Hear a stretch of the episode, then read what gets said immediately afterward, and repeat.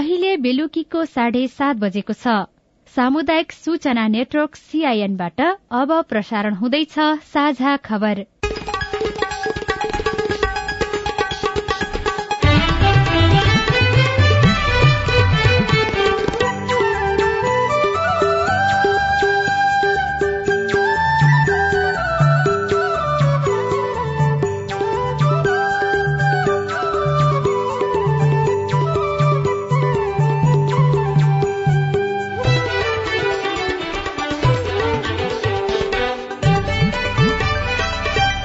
सीआईएनको साझा खबरबाट लील प्रकाश चन्दको नमस्कार। साझा खबर देशभरिका सामुदायिक radio CIN Khabar dot com र मोबाइल एप सीआईएनमा पनि सुन्न सकिन्छ।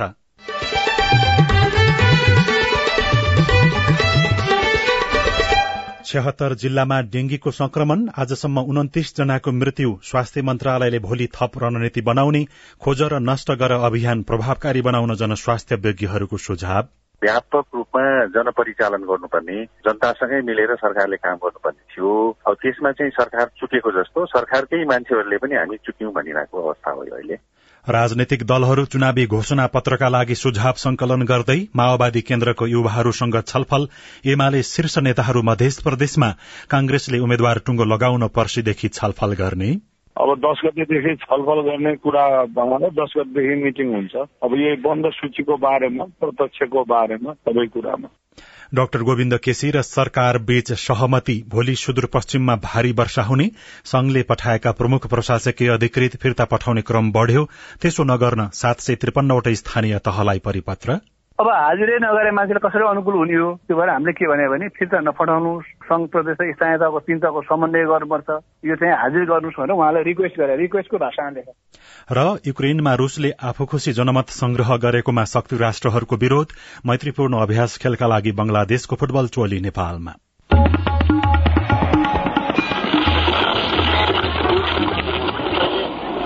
रेडियो।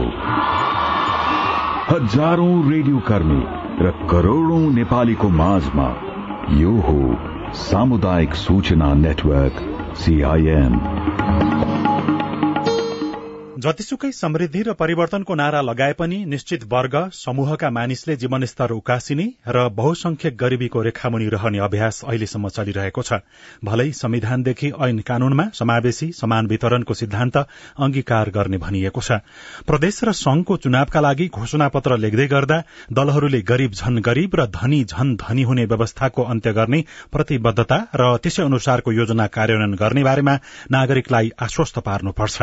अब खबर सोभिता रिसालबाट नेपाली कांग्रेसमा टिकट वितरणको विषयलाई लिएर असन्तुष्टि देखिएको छ। संस्थापन पक्षले टिकट वितरणमा एकलौटी गर्ने प्रयास गरेको भन्दै नेता शेखर कोइराला पक्षका नेताले त्यसो नगर्न खबरदारी गरेका छन्। कोइराला समूहले दबाव स्वरूप आज काठमाण्डुमा खबरदारी सभा गर्दै संस्थापन पक्षले गरेका एकलौटी निर्णय नसच्याए पार्टीभित्र विद्रोह गर्न बाध्य हुने चेतावनी समेत दिए। सभामा नेता गुरू घिमिरेले पार्टीमा सबैलाई न्याय हुने गरी आगामी निर्वाचनको टिकट वितरण नभए आफूहरू विद्रोह गर्न बाध्य हुनुपर्ने बताउनुभयो। उहाँले समानुपातिक तर्फको टिकट वितरणको सूची तत्काल सच्याउन पनि सभापति शेरबहादुर देउवालाई आग्रह गर्नुभयो। तपाईँहरूको निजी सम्पत्ति हो घरेलु मामला हो। यो पार्टी अहिले बालुवाटारमा छलफल छ अरे। राजाले तारो बनाए धेरै नेताले तारो बनाए। त्यो तारो काम लागेको छैन। हामी तयार छौँ तारो जेल्न यो विपक्षीसँग लड्ने लडाई हो। गठबन्धन गर्दैछौ। सिट घटिराखेका छ। सन्तुलन मिलाएर हिसाब मिलाएर सबैलाई समेटेर निर्णय गर्नुहोस् भनेर भनेको हो। यदि त्यसरी बुझ्नुहुन्न भने परमादरणीय सभापतिज्यूलाई मेरो आग्रह छ पचासी सिट प्रत्यक्ष तपाईँका मान्छेलाई पुग्दैन। एक सय पैँसठी त तपाईँले आफ्ना मान्छेलाई नै दिन मात्रै ठिक्क हुन्छ। सभापति देवालले प्रतिस्पर्धी समूहलाई टिकट वितरणमा सम्मानजनक ढंगले व्यवहार नगरी प्रतिकार गर्ने नेताहरूले चुनौती दिएका छन्। संस्थापन पक्षले भने समानुपातिक तर्फको बन्द सूचीलाई लिएर भएको विवाद र असन्तुष्टिका बारेमा पार्टीमा छलफल गर्ने निर्णय भइसकेको बताएको छ। सीआईएनसँग कुराकानी गर्दै सहमहामन्त्री किशोर सिंह राठौरले पर्सीबाट यस बारेमा पार्टीभित्र छलफल गरिने बताउनुभयो। समानुपातिकको नोमिनेसन गर्ने कुरा सबै भएको छ होइन? अब दस गतेदेखि छलफल गर्ने कुरा भएर दस गतेदेखि मिटिङ हुन्छ। अब यही बन्द सूचीको बारेमा प्रत्यक्षको बारेमा सबै कुरामा। कोइराला समूहले आज पनि खबरदारी सभा गरेर चालिस नदिए हुँदैन भन्ने कुरा आइरहेको छ। के हो कुरो? अब उहाँहरू चाहिँ के गरिराख्नु भएको छ उहाँहरूलाई नै सोध्नुहोस् सभापतिज्यूले पेलेर जान थाल्नुभयो हामी बहिष्कार गर्छौँ भनेर चेतावनी दिइराख्नु भएको छ त? खोइ थाहा छैन उहाँहरूको यो के नाटक हो मलाई थाहा छैन। सत्ता गठबन्धनमा पनि प्रत्यक्षतर्फको टिकट बाँडफाँडको टुङ्गो लाग्न सकेको छैन। दिनहौ जसो सत्ता गठबन्धनका शीर्ष नेताहरूको बैठक बसिरहेको भए पनि सीटको भागभण्डा मिलिरहेको छैन। आजको छलफल सकारात्मक भएको र भोलिदेखि भने प्रदेश तहको सीट बाँडफाँडको टुङ्गो लगाउने निर्णय भएको नेताहरूले दावी गरेका छन्। सीआईएनसँग कुराकानी गर्दै सीट बाँडफाँड कार्यदलका सदस्य तथा राष्ट्रिय जनमोर्चाका नेता हिमलाल पुरीले सीट भागभण्डा लगभग मिलेको र छिट्टै सार्वजनिक गरिने बताउनुभयो। धेरै सकारात्मक भएको छ। अब हामी चाहिँ प्रदेशतिर प्रवेश गर्छौँ। भोलि हाम्रो त्यहाँ छलफल हुन्छ। धेरै नजिक पुगिएछ। भन्नलाई सहमति नजिक सहमति नजिक भन्ने कुरा नै आउँछ दैनिक जसो। तर पनि सहमति चाहिँ हुँदैन। खासमा के भइराखेको छ त्यो भनिदिनुहोस् न। केही भएन ठिकै भइरहेको छ। छलफलहरू हो छलफलहरू भइराखेका छन्।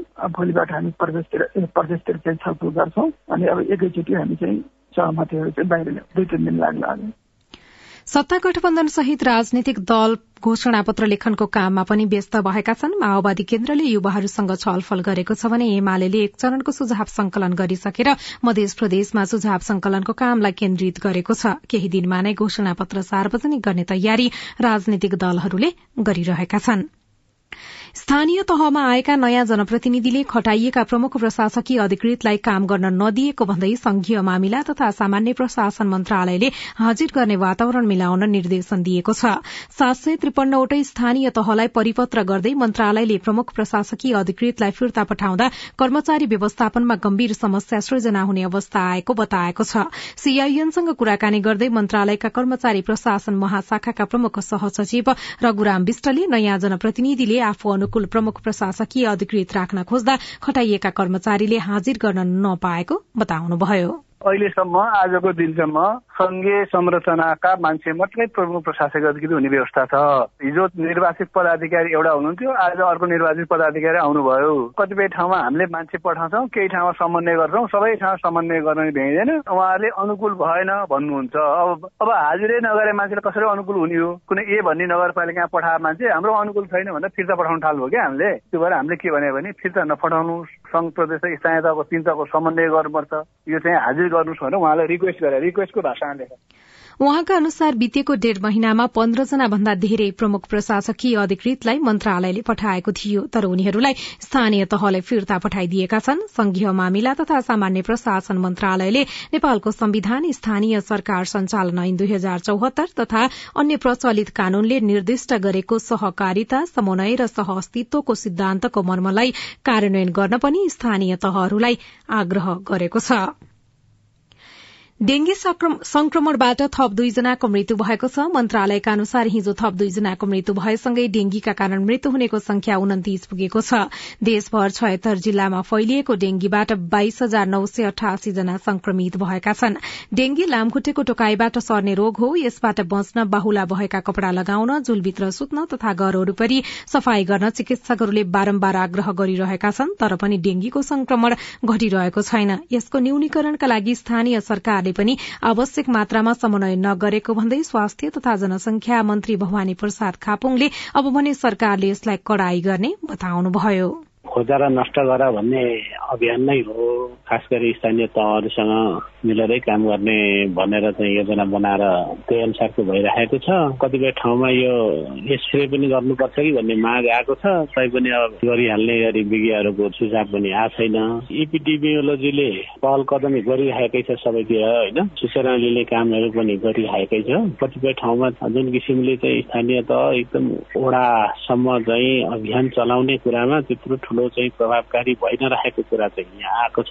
के गर्ने भन्ने बारेमा आज विदा भएको। त्यो बढेको बढै देख्दा अब के गर्ने होला भन्ने बारेमा भोलिदेखि छलफल गर्नुपर्छ भन्ने लागेको छ मलाई। नेपालमा पहिलो पटक दुई हजार एकसठी सालमा देखिएको डेंगी त्यसपछि भने वर्षेनी देखिने गरेको छ। सरकारले डेंगी नियन्त्रणको लागि खोज र नष्ट गर अभियान चलाइरहेको भए पनि यो त्यति प्रभावकारी भएको छैन। विज्ञहरूले भने नागरिकलाई यसबारेमा जनचेतना पनि कम भएको र सरकारको सक्रियता पनि नदेखिएको भन्दै आलोचना गरेका छन्। सीआईएनसँग कुराकानी गर्दै जनस्वास्थ्य विज्ञ डाक्टर खेम कार्कीले भन्नुभयो हरेक मान्छेको घर घरमा हरेक ठाउँमा चाहिँ यसलाई खोजेर कार्यालयमा यसको एउटा ठुलो अभियान सञ्चालन गर्नुपर्ने हो। सर्च एन्ड डिस्ट्रोयको अभियान भनेको चाहिँ खालि कथा जस्तो भएको छ। अब कतै पनि न नगरपालिकाहरूले गरेको छ न वडा कार्यालयहरूले गरेको छ न जनस्वास्थ्य कार्यालयहरूले स्वास्थ्य कार्यालयहरूले गरेको छ। सरकारले एउटा विज्ञप्ति निकाल्ने अनि त्यसपछि रिङटोन बजाइदिने। अरू केही पनि कामहरू भएन क्या। जसले गर्दाखेरि चाहिँ एकदमै बुमिङ भयो अहिले। व्यापक रूपमा जनपरिचालन गर्नुपर्ने जनतासँगै मिलेर सरकारले काम गर्नुपर्ने थियो। अब त्यसमा चाहिँ सरकार चुकेको जस्तो सरकारकै मान्छेहरूले पनि हामी चुक्यौं भनिरहेको अवस्था हो अहिले। डेंगी भएको समयमा जथाभावी औषधि नखान डाक्टरहरूको सल्लाह लिन तथा प्रशस्त मात्रामा आराम गर्न स्वास्थ्य कर्मीहरूले आग्रह गरिरहेका छनृ। सरकारले बीमा र यन्त्रिक परीक्षण नगरेका यात्रुवाहक सवारी साधन गुडाउन रोक लगाउने भएको छ। दशैं र तिहार लगायत ठूला चाडपर्व नजिकिएसँगै सवारी दुर्घटना र जनधनको क्षति हुन थालेको भन्दै गृह मन्त्रालयद्वारा गठित समितिले बीमा नगरेका यात्रुवाहक सवारी साधन गुडाउन र यन्त्रिक परीक्षण नगरी सवारी गुडाउन रोक लगाउने निर्णय गरेको हो। यस्तै दुर्घटना भई बिरामीको हवाई मार्गबाट अस्पतालसम्म लैजानुपर्ने भएमा यातायात व्यवसायी महासंघले नै खर्च बेहोर्नुपर्ने पनि सरकारले निर्णय गरेको छ।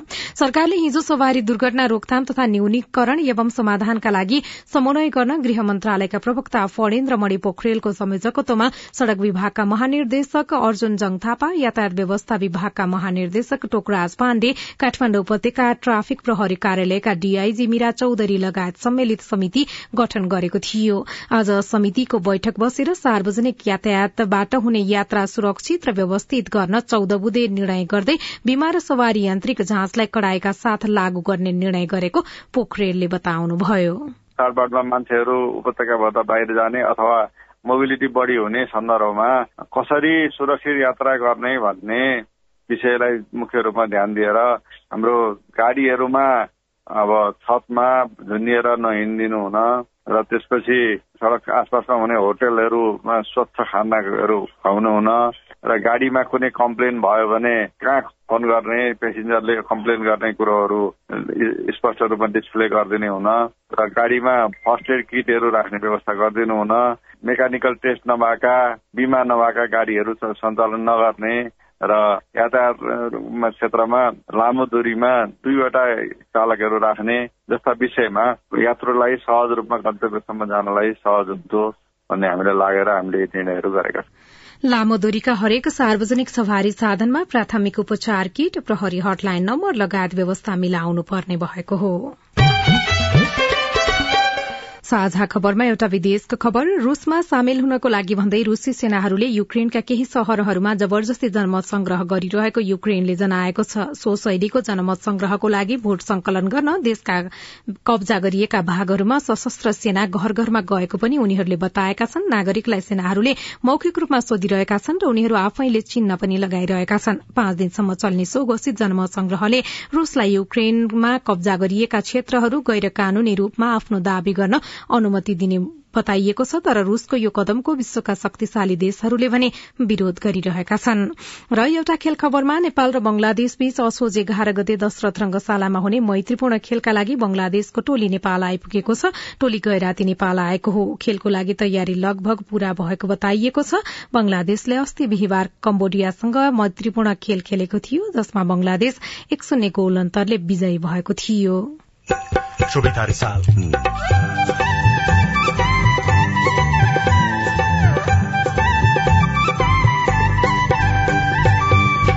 वाणिज्य बैंकहरूले आफू खुशी ब्याज दर बढ़ाएपछि व्यवसायीहरूको विरोध? यस्तो पीडामा छौँ एकजना व्यवसायी जसले असार मसान्त साउनसम्म चाहिँ तपाईँको ब्याज तिर्नु भएको छ र अहिले ब्याङ्कले ताकेता गरेको अवस्था छ। रिपोर्ट भोलि सुदूरपश्चिममा भारी वर्षा हुने। सतर्कता अप्नाउन मौसम पूर्वानुमान महाशाखाको आग्रह। साहित्य लेखेरै जीवन चलाउन सम्भव छ।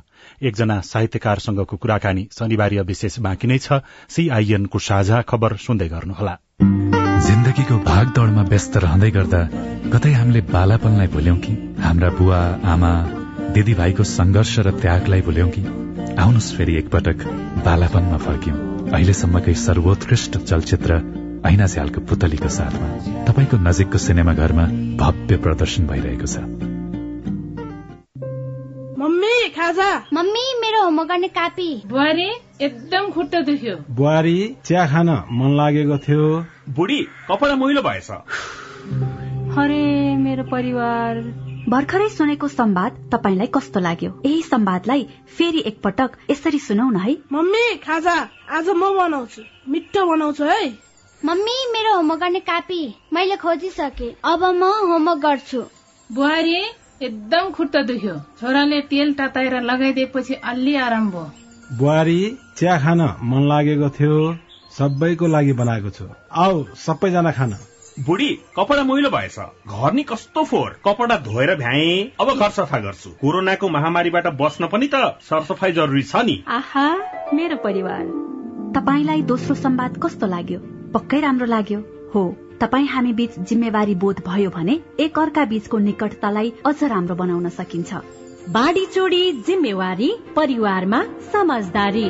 महिला बालबालिका तथा ज्येष्ठ नागरिक मन्त्रालय युएन वुमन ल्याक र अकुराबको सहकार्य। सामाजिक रूपान्तरणका लागि यो हो सामुदायिक सूचना नेटवर्क सीआईएन तपाई सामुदायिक सूचना नेटवर्क सीआईएन ले तयार पारेको साझा खबर सुन्दै हुनुहुन्छ। भोलि दिउँसो विभिन्न प्रदेशका थोरै ठाउँमा निकै ठूलो पानी पर्ने सम्भावना रहेको मौसमविदहरूले बताएका छन्। आज रातीदेखि नै ठूलो पानी पर्ने पार्ने प्रणाली सक्रिय हुन लागेको र भोलि दिउँसो विशेष गरी सुदूरपश्चिम प्रदेशका थोरै स्थानमा निकै ठूलो पानी पर्ने तथा कर्णाली लुम्बिनी र गण्डकी प्रदेशमा एक दुई स्थानमा ठूलो पानी पर्ने सम्भावना रहेको मौसमविदहरूले बताएका हुन्। सीआईएनसँग कुराकानी गर्दै एकजना मौसमविद हिरा भट्टराईले ठूलो पानी पर्ने भएकाले भूक्षय पहिरो तथा गेग्रान बहावको जोखिम बढ़ने बताउनुभयो। सुदूरपश्चिम प्रदेशमा आज मध्यरात पछिबाट चाहिँ भारी वर्षाहरूको हुने क्रम चाहिँ बढ्दै जाने र भोलि दिनभरि नै भनौँ। सुदूरपश्चिम प्रदेशका चाहिँ थोरै स्थानहरूमा चाहिँ भारी भन्दा नि भारीदेखि धेरै भारी वर्षाको सम्भावना चाहिँ रहेको छ। दुई नै कल्याण प्रदेशतिर पनि त्यसको इम्प्याक्टहरू देख्न थालिन्छ। जसले गर्दा कल्याण प्रदेशका एक दुई स्थानमा भारी वर्षाहरूको पनि सम्भावना चाहिँ रहेको छ। सँगसँगै त्यो प्रणालीले फेरि लुम्बिनी प्रदेशका एक दुईटा जिल्लालाई पनि असर पार्ने सम्भावना छ। विशेष गरी चाहिँ बाँके बर्दिया अनि जाङ जिल्ला। यी तीनटा जिल्लाहरूमा चाहिँ सो प्रणालीले चाहिँ प्रभाव पार्ने आकलन गरिएको छ। उहाँका अनुसार ठूलो पानी पार्ने प्रणाली भोलि बेलुका नै कमजोर हुने देखिन्छ तर मनसून बाँकी नै रहेकाले हल्कादेखि मध्यम वर्षा भने भइरहने पनि उहाँले बताउनुभयो। डाक्टर गोविन्द केसी र सरकारबीच सहमति भएको छ। सात बुँदे माग सहित अनसनमा बस्नुभएका डाक्टर केसीसँग सरकारको वार्ता टोलीका सदस्यहरूले केही बेरमा त्रिवी शिक्षण अस्पताल महाराजगंजमा पुगेर सहमति पत्रमा हस्ताक्षर गर्ने तयारी गरिएको छ। पछिल्लो पटक कैलालीबाट अनसन शुरू गर्नुभएका डाक्टर केसीको स्वास्थ्य अवस्था जटिल बन्दै गएपछि उहाँलाई पाँच गते थप उपचारका लागि काठमाडौँ ल्याइएको थियो। केसीका माग सम्बोधन गर्न सरकारले प्रधानमन्त्री तथा मन्त्री परिषदको कार्यालयका सचिव रामप्रसाद घिमिरेको संयोजकत्वमा वार्ता टोली गठन गरेको थियो। वाणिज्य बैंकहरूले असोज महिनाका लागि आफू खुशी ब्याज दर बढ़ाएपछि यतिखेर चौतर्फी विरोध भइरहेको छ। आर्थिक संकटका कारण अन्य व्यापार व्यवसाय तथा उत्पादनका क्षेत्र प्रभावित भइरहेका बेला थप समस्या ल्याउने गरी बैंकहरूले ब्याज दर बढ़ाएको व्यवसायीहरूको भनाइ छ। ब्याज दरमा उच्च वृद्धि र कारोबारको बीस पच्चीस प्रतिशत मात्र लगानी गर्ने नेपाल राष्ट्र बैंकको पछिल्लो नीतिले बाँके सहित देशभरका उद्योगी व्यवसायीलाई आन्दोलित बनाएको छ। संकटको मौकामा बैंकहरूले आफ्नो नाफालाई मात्रै ध्यान दिएर अन्य क्षेत्रप्रति गैर जिम्मेवार बनेको उद्योगी व्यवसायीहरूको आरोप छ। उद्योगी व्यवसायीहरूको छाता संगठन नेपालगंज उद्योग वाणिज्य संघका महासचिव चिरञ्जीवी ओली। यस्तो पीड़ामा एकजना व्यवसायी जसले असार मसान्त साउनसम्म चाहिँ तपाईँको ब्याज र अहिले ब्याङ्कले दर्ता गरेको अवस्था छ। यो भनेर सात दिनभित्रमा तपाईँले साँवर सबै ब्याज चुक्ता गर्नुहोस् भनेर ब्याङ्कले चाहिँ एउटा आतंकित बनाएको छ व्यवसायहरूलाई। एक करोडको ट्रान्जेक्सन भयो भने बिसदेखि पच्चिस पर्सेन्ट मात्रै चाहिँ उहाँलाई बिस लाख अथवा पच्चिस लाख रुपियाँ चाहिँ लोन उपलब्ध गराउने नीति ल्याएको छ। यसले हिजो चाहिँ जति जसरी लगानी गर्नुभएको थियो ब्याङ्कहरूले अब एकैचोटि त्यो पैसा कडी कसाई गरेर चाहिँ निकाल्दा व्यवसायको हालत के हुने हो? संघले बैंकहरूले बढ़ाएको ब्याज दर तत्काल फिर्ता लिनुपर्ने माग राखेको छ। ब्याज दर वृद्धिले साना तथा लघु घरेलु उद्योगहरूलाई मात्र नभएर समग्र अर्थतन्त्रलाई नै अप्ठ्यारोमा पार्ने भएकाले बेलैमा सचेत हुनुपर्ने संघका अध्यक्ष अब्दुल वाहिद मनसुरी बताउनुहुन्छ। एकतिर ब्याज महँगो गर्ने अर्को दिन लगानी लगाएको भने लगानी हामीसँग फिर्ता माग्ने अनि कहाँ जाने हामी? बैंकहरूले यसअघिको भद्र सहमति तोड्दै असोज महिनाका लागि आफू खुसी दश प्रतिशतले ब्याज दरमा वृद्धि गरेका छन्। यो सँगै बैंकको ब्याज दर निक्षेपमा तेह्र दशमलव एक तीन प्रतिशत पुगेको छ भने कर्जातर्फको ब्याज दर बढ़ेर अठार प्रतिशतसम्म पुगिसकेको छ। यसले लगानीको वातावरण बिगारेको भन्दै उद्योगी व्यवसायीले विरोध गरिरहेका छन्। जड़ीबुटी व्यवसाय संघ बाँकेका अध्यक्ष टंक शर्मा। अहिलेको परिस्थिति एकदम गम्भीर छ। व्यापार पनि छैन। दुई वर्ष अघिदेखि कोविडले थन्किएको व्यापारीहरू अहिले आएर ब्याङ्कले आफूले लगानी पनि नगर्ने र ब्याज पनि बढाउने यो दुइटै किसिमले मार पर्ने गरी यदि गर्यो भने यसलाई चाहिँ सरकारले रोक्नुपर्छ। चाडपर्व शुरू हुनै लाग्दा समेत पश्चिम नेपालको प्रमुख व्यापारिक केन्द्र नेपालगंज बजार सुनसान छ तर सीमापारी ठिक विपरीत थेगिन सक्नु भेट छ। नेपाली उपभोक्तालाई स्वदेशी किनमेलमा प्रोत्साहन गर्ने र अवैध आयात नियन्त्रण गर्नुपर्ने व्यवसायीको अर्को माग छ। व्यवसायी उषा थापा भण्डारी। राज्यले भन्सारमा गरेका नीतिहरू लागू गर्नु पर्यो। भन्सार अधिकृतदेखि लिएर सिडिओ साहबहरूसित बारम्बार यस विषयमा छलफल गर्दा पनि दशैं तिहार पनि आउँदैछ। व्यापारको स्थिति हेर्ने हो भने व्यापारीहरू एकदमै धाराशयी भएर ब्याङ्कको कर्जा तिर्न नसक्ने अवस्था घर तिर्न नसक्ने अवस्था छ भने कोरोनाले थलिएका उद्योगी व्यवसायहरू बैंकको चरको ब्याज दर र अवैध आयातका कारण धराशयी हुने अवस्थामा पुगेको बताउँछन्। निशु जोशी सीआईएन कृष्ण फिल्म नेपालगंज साझा खबरमा अब हेलो सीआईएन उषा तामाङबाट। काभ्रे पलाञ्चोकबाट सुरज बाँसकोटा बोलेको। डोजर क्रेन रोलरहरूको चाहिँ किन मौखिक लिइरहेको छ? हामीलाई यसले गर्दा धेरै गाह्रो भइरहेछ मौखिकको नाममा विभिन्न ठाउँमा ठगी गरिरहेको छ। मौखिकलाई चाहिँ हटाउन मिल्दैन यातायात व्यवस्था विभागले। तपाईँको प्रश्न हामीले यातायात व्यवस्था विभागका सूचना अधिकारी ईश्वरी दत्त पनेरूलाई सुनाएका छौं। यहाँले उठाउनु कुरा एकदम जेन्युन कुरा छ। केही न केही आधार मानेर त्यो जति बेला त्यो व्यवस्था त्यो राखिएको हुनुपर्छ होइन? यसमा चाहिँ छलफल गरेर चालु आर्थिक वर्षमा यसमा के संशोधन गर्न सकिन्छ। अथवा यहाँले उठाउनु कुरा अनुसार त्यो हटाउन सकिने के व्यवस्था गर्न सकिन्छ भने हामी कुरा राख्छौँ। यहाँले कुरा उठाउनु भएको छ। यो कुरा चाहिँ मैले हाम्रो यहाँको व्यवस्थापन समक्ष मैले पनि राख्छु हेलो नमस्कार। म राजु विका कोलपुरबाट। एससी परीक्षामा मेरो भतिजीले दुई जिपिए लिएर पास भएकी छन् तर उनको गणित विषयमा ई ग्रेड आएको छ। लोकसेवाले लिने खर्दार स्तरको परीक्षा दिन मिल्छ कि नै? जवाफ दिँदै हुनुहुन्छ। लोकसेवा आयोगका प्रवक्ता तोया नारायण सुवेदी। एससी परीक्षामा ग्रेडिङ सिस्टम लागू भएपछि जिपिए यो ग्रेड ग्रेड चाहिँ बीसम्म आएकोलाई हामीले इलिजिबल हुन्छ भनेर चाहिँ निर्णय गरेका छौँ। त्यो भएर चाहिँ यदि बी भन्दा तलको ई ग्रेड आएको भने त्यो उम्मेद्वारले फेरि परीक्षा दिएर डी अथवा डी भन्दा माथिको एबिसी मध्येको ग्रेड लिएर आएपछि मात्रै लोकसेवाको परीक्षामा रोसी गाउँपालिका वडा नम्बर पाँचबाट दिपा हुमागाईले रोसी गाउँपालिकामा जन्मिएका बाल बालिकाले कस्ता किसिमका भत्ता प्राप्त गर्छन् भनेर सोध्नु भएको छ। दिपाजी तपाईँको जिज्ञासा समाधान गर्दै हुनुहुन्छ। रोसी गाउँपालिकाका सामाजिक सुरक्षा तथा पंजीकरण शाखाका फिल्ड सहायक सुस्मिता गौतम। समयमै जन्म दर्ता या कुनै घटना दर्ता गराएपछि सुत्केरी भत्ता पाउँछ अनि सामाजिक सुरक्षा भत्ता चाहिँ दलित बाल बालिकाको लागि मात्रै छ अहिले। अरू बाल बालिकाको लागि चाहिँ कुनै पनि भत्ता यहाँबाट जाँदैन। अहिलेसम्म चाहिँ गएको छैन। तपाई जुनसुकै बेला हाम्रो टेलिफोन नम्बर शून्य एक बान्न साठी छ चार छमा फोन गरेर आफ्नो विचार प्रश्न गुनासो तथा प्रतिक्रिया रेकर्ड गर्न सक्नुहुनेछ। तपाई सामुदायिक सूचना नेटवर्क सीआईएनले काठमाडौँमा तयार पारेको साझा खबर सुन्दै हुनुहुन्छ। साझा खबर मोबाइल एप नेपाली पात्रोबाट पनि सुनिरहनु भएको छ। साहित्य लेखेरै जीवन चलाउन कतिको सजिलो छ। रूप सेतो मन काला बनाउँछ मान्छे मन्दिर नै मधुशाला बनाउँछ मान्छे। मूर्ति बन्थ्यो त्यही फलामा झुक्ने थिए शिर तर मान्छे मार्ने भाला बनाउँछ मान्छे। पत्रकारितासँगै साहित्यमा स्थापित हुन खोज्दै गरेका एकजना लेखकसँगको कुराकानी सहितको शनिबारीय विशेष बाँकी नै छ। सीआईएनको साझा खबर सुन्दै गर्नुहोला।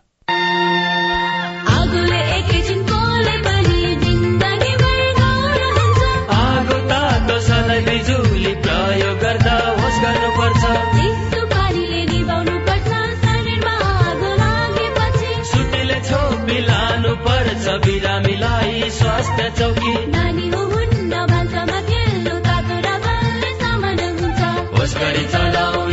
ग्यास भुइँमा पकाए दुर्घटना बढ्छ। अग्निजन्य दुर्घटना भएमा शून्य एक पचपन्न पचपन्न छ आठ नौमा सम्पर्क गर्नुहोस्। बीबीएस नेपाल ललितपुर। सामाजिक रूपान्तरणका लागि यो हो सामुदायिक सूचना नेटवर्क सीआईएन तपाई सामुदायिक सूचना नेटवर्क सीआईएनले काठमाण्डुमा तयार पारेको साझा खबर सुन्दै हुनुहुन्छ। अब शनिबारीय विशेष। कतिपय आम संचारका विज्ञले भनेका छन् पत्रकारिता हतारको साहित्य हो। हुन त सबै पत्रकार लेखक बन्दैनन् तर जो साहित्यमा रूचि राख्छन् उनीहरूलाई पत्रकारिताको पृष्ठभूमि थप सहयोगी बन्छ। पत्रकारितासँगै साहित्य सिर्जना गर्न कतिको सजिलो छ। नेपाली साहित्य बजार सानो भए पनि वर्षमा विभिन्न विधाका झण्डै एक हजार पुस्तक बजारमा आउँछन्। तीमध्ये औंलामा गन्न सकिने पुस्तक र लेखक मात्रै पाठकको मनमा रहन्छन्। दुई दशकदेखि पत्रकारितामा सक्रिय ईश्वर दाहाल त्यही लेखकहरूको भीड़मा स्थापित हुन कोशिश गरिरहेको नाम हो। केही दिन अघि उहाँको एउटा उपन्यास बजारमा आयो मध्यान्न झुल्के घाम र गोधुली। यसमा अब दलित समुदायप्रतिको उत्पीड़नको कथा छ मधेस आन्दोलनको कथा छ र सँगसँगै परिवार प्रेम संघर्ष र राजनीतिको विहङ्गम र विकृत पक्ष। यी समग्र पक्षलाईमा चाहिँ मेरा आफ्ना कुरा भनौं भन्नको लागि मैले मध्यान्न झुल्के हाम्रो गोदली उपन्यास लेखेको। दाहालको बाल्यकाल जन्मथलो सिन्धुलीमै बित्यो।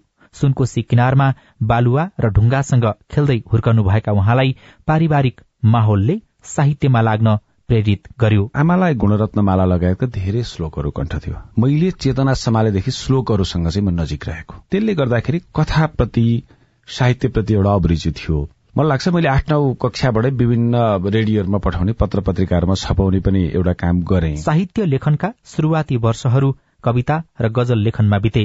त्यस क्रममा एउटा महाकाव्य र कथा संग्रह निस्कियो। तर अध्ययनको दायरा फराकिलो बन्दै जाँदा गजल लेखन खुम्चिँदै गयो। रूप सेतो मन काला बनाउँछ मान्छे मन्दिर नै मधुशाला बनाउँछ मान्छे। मूर्ति बन्थ्यो त्यही फलामा झुक्ने थिए शिर। मूर्ति बन्थ्यो त्यही फलामा झुक्ने थिए शिर तर मान्छे मार्ने भाला बनाउँछ मान्छे मन्दिर नै मधुशाला बनाउँछ मान्छे। सृष्टि फुल्थ्यो जीवन खुल्थ्यो त्यही माटोमा साथी। सृष्टि फुल्थ्यो जीवन खुल्थ्यो त्यही माटोमा साथी। तर रक्सी पिउने प्याला बनाउँछ मान्छे मन्दिर नै मधुशाला बनाउँछ मान्छे। यति राम्रो गजल लेख्नु हुँदो रहेछ किन छोड्नुभयो? लेख्न मलाई आँट आएन। एउटा शेरले समग्र जीवन दर्शन भन्न सक्ने जुन सामर्थ्य पढेपछि त्यो मेरो बुताभन्दा बाहिरको हो भन्ने मलाई बोध भयो। आख्यानमा कलम चलाउनु कविता लेख्नु उपन्यास लेख्नु भन्दा कथा लेख्नु भन्दा गजल लेख्न अझै गाह्रो हो। धेरै गाह्रो गजल र कविता धेरै गाह्रो हो। तर अधिकांश मान्छेले बढी लेख्छ। पत्रकारिता आफैमा समय व्यवस्थापनका हिसाबले चुनौतीपूर्ण पेसा हो। अझ सक्रिय पत्रकारितामा रहेर किताब लेख्नु झनै मुस्किल हुन जान्छ। तर पनि दाहाल समाचार र साहित्यमा निरन्तर कलम चलाइरहनु भएको छ। पत्रकारितामा तपाईँले जति एउटा ज्ञान मात्र भएर भएन सही तथ्यतालाई निर्माण गरेर जति मेहनत गर्नुहुन्छ यता साहित्यमा पनि तपाईँ सत्य तथ्य भनेर त खोजिरहनु परेन। तर त्यो पाठक निर्माण गर्न उसलाई रुचिकर बनाउनको लागि फेरि तपाईँ चाहिँ यतापट्टि बढी जोखिम हुन्छ। भन्न आँटे आशा कुन सजिलो कुन अप्ठ्यारो भन्दिनँ दुइटैका आफ्ना आयाम र धारहरू छन्। नेपाली साहित्यमा केही प्रकाशन गृहको एकाधिकार रहेको र केही नाम चलेका लेखकलाई मात्रै उनीहरूले पत्याउने गरेको आरोप लाग्ने गरेको छ। दाहाल त्यो आरोपलाई खण्डन त गर्नुहुन्न तर प्रकाशकहरूले नयाँ लेखकलाई अवसर दिनुपर्ने बताउनुहुन्छ। अनि उहाँको बुझाइमा लेखेरै बाँच्न सक्ने वातावरण बनिसकेको छैन। जर्नलमा लेखेर आर्टिकल लेखेर के लेखेर त एउटा पाटो होला तर पुस्तक लेखेर पुस्तक बेचेर बजारसम्म गएर पाठमा किनेर बाँच्छु भन्ने चाहिँ मलाई अहिले नै त्यति सजिलो छ जस्तो लाग्दैन। तर पत्रकारिता गरेर बाँच्न कोसिस गर्ने एउटा बाटो बन्ने त बनिसकेका छ। तर तपाईँले भनेको जस्तो हामीले भनेको दीर्घकाल एउटा अहिलेको जमानाको बेसिक निडको कुरा गरौँ न। सानो एउटा घर र एउटा गाडी। त्योसम्म पनि पत्रकारले परिकल्पना गर्न गाह्रो छ। अझ लेखकले चाहिँ? धेरै गाह्रो छ। लेखक र पत्रकार दुवै हुँदाखेरि? दुवै हुँदाखेरि पनि म आर्थिक पाटोलाई चाहिँ अहिलेको यो बजार अहिलेको जुन अवस्थाले गर्दा ठ्याक्कै संग्रहित समेटेर तपाईँलाई सहज ढंगले अगाडि बढाउँछ भन्ने कुरामा त म पनि एकदम बढाउँछ नै भनेर ठोकुवा चाहिँ गर्न सक्दिनँ। लेखेरै गुजारा गर्न सक्ने अवस्था छैन भनेर तपाईँले भनि नै सक्नुभयो। त्यसो भए नयाँ लेखकहरू के का लागि आउने त नि? तपाईँ प्रधानमन्त्रीसम्म बन्नु होला पावर सत्ता सामर्थ्यमा पुग्नु होला तर तपाईँ पाँच वर्षपछि भूतपूर्व भन्नुहुन्छ तर संसारमा एउटा उपन्यास चलिदियो भने कहिले पनि भूतपूर्व उपन्यासकार बन्दैन बाँचुन्जेल लेखक सधैँभरि लेखक नै रहन्छ। भूतपूर्व गायक आजसम्म तपाईँले सुन्नु भएको छैन। भूतपूर्व संगीतकार तपाईँले सुन्नु भएको छैन। दशकौं अगाडि गाएको गीतमा पनि छ। तपाईँको सामर्थ्य तपाईँको शिल्प तपाईँले लेख्नु भएको चिज जब सर्वग्राह्य भन्छ नि दिगो छ। समाचारमा लेख्न नसकेका विषय साहित्य मार्फत पुस्तकमा समेट्न पाउँदा दाहाललाई आत्मसन्तोष मिलेको छ। तपाईँको यो कल्पना गर्ने इमेजिनेसन गर्ने पाठहरू मलाई बढी रुचिकर लाग्छ। कतै कतै त्यो पत्रकारिता गर्दै गर्दाखेरि छुटेका विषयवस्तुहरू अथवा आफूले भन्न चाहेर पनि नपाएका कुराहरू चाहिँ तपाईँको लेखनको माध्यमबाट प्रस्फुटन भएको हो? त्यो त धेरै कुरा छन्। जस्तै तपाईँ समाचार लेख्नुहुन्छ समाचार प्रकाशन प्रसारण गरिरहँदाखेरि तपाईँले बुझेको एउटा चिज हुन्छ। जस्तै उदाहरणको लागि एउटा नेताको अन्तर्यको पाटोमा त्यो नेताको वैयक्तिक जीवन र चरित्रसँगको सम्बन्धित पाटो तपाईँले समाचार बनाउन सक्नुहुन्न। तर एउटा नेता पात्र बनाएर तपाईँले उपन्यासमा कवितामा कथामा त लेख्न सक्नुभयो। तर साहित्यलाई व्यावसायिक बनाउने नाममा प्रकाशन गृहले सीमित लेखकलाई मात्रै महत्व दिनु नहुनेमा उहाँको जोड़ छ। राजुन रुचाल सीआईएन काठमाडौँ। छहत्तर जिल्लामा डेंगीको संक्रमण फैलिएको छ। आजसम्म उन्तिस जनाको मृत्यु भयो। स्वास्थ्य मन्त्रालयले भोलि थप रणनीति बनाउने भएको छ। राजनीतिक दलहरू चुनावी घोषणा पत्रका लागि सुझाव संकलन गर्दैछन्। माओवादी केन्द्रले आज युवाहरूसँग छलफल गरेको छ। एमाले शीर्ष नेताहरू मधेसमा पुगेका छन्। कांग्रेसले उम्मेद्वार टुङ्गो लगाउन पर्सीदेखि छलफल गर्ने भएको छ। डाक्टर गोविन्द केसी र सरकारबीच सहमति भएको छ। भोलि सुदूरपश्चिममा भारी वर्षा हुने भएकाले सावधानी अपनाउन मौसम पूर्वानुमान महाशाखाले अनुरोध गरेको छ। र संघले पठाएका प्रमुख प्रशासकीय अधिकृत फिर्ता पठाउने क्रम बढ़ेको छ। त्यसो नगर्न सात सय त्रिपन्नवटै स्थानीय तहलाई परिपत्र गरिएको छ। हवस् आजलाई साझा खबरको समय सकियो। प्राविधिक साथी सुरेन्द्र सिंहलाई धन्यवाद। भोलि असोज नौ गते बिहान छ बजेको साझा खबरमा फेरि भेटौँला। अहिलेलाई लील प्रकाश चन्द पनि विदा हुन्छु। नमस्कार शुभरात्री।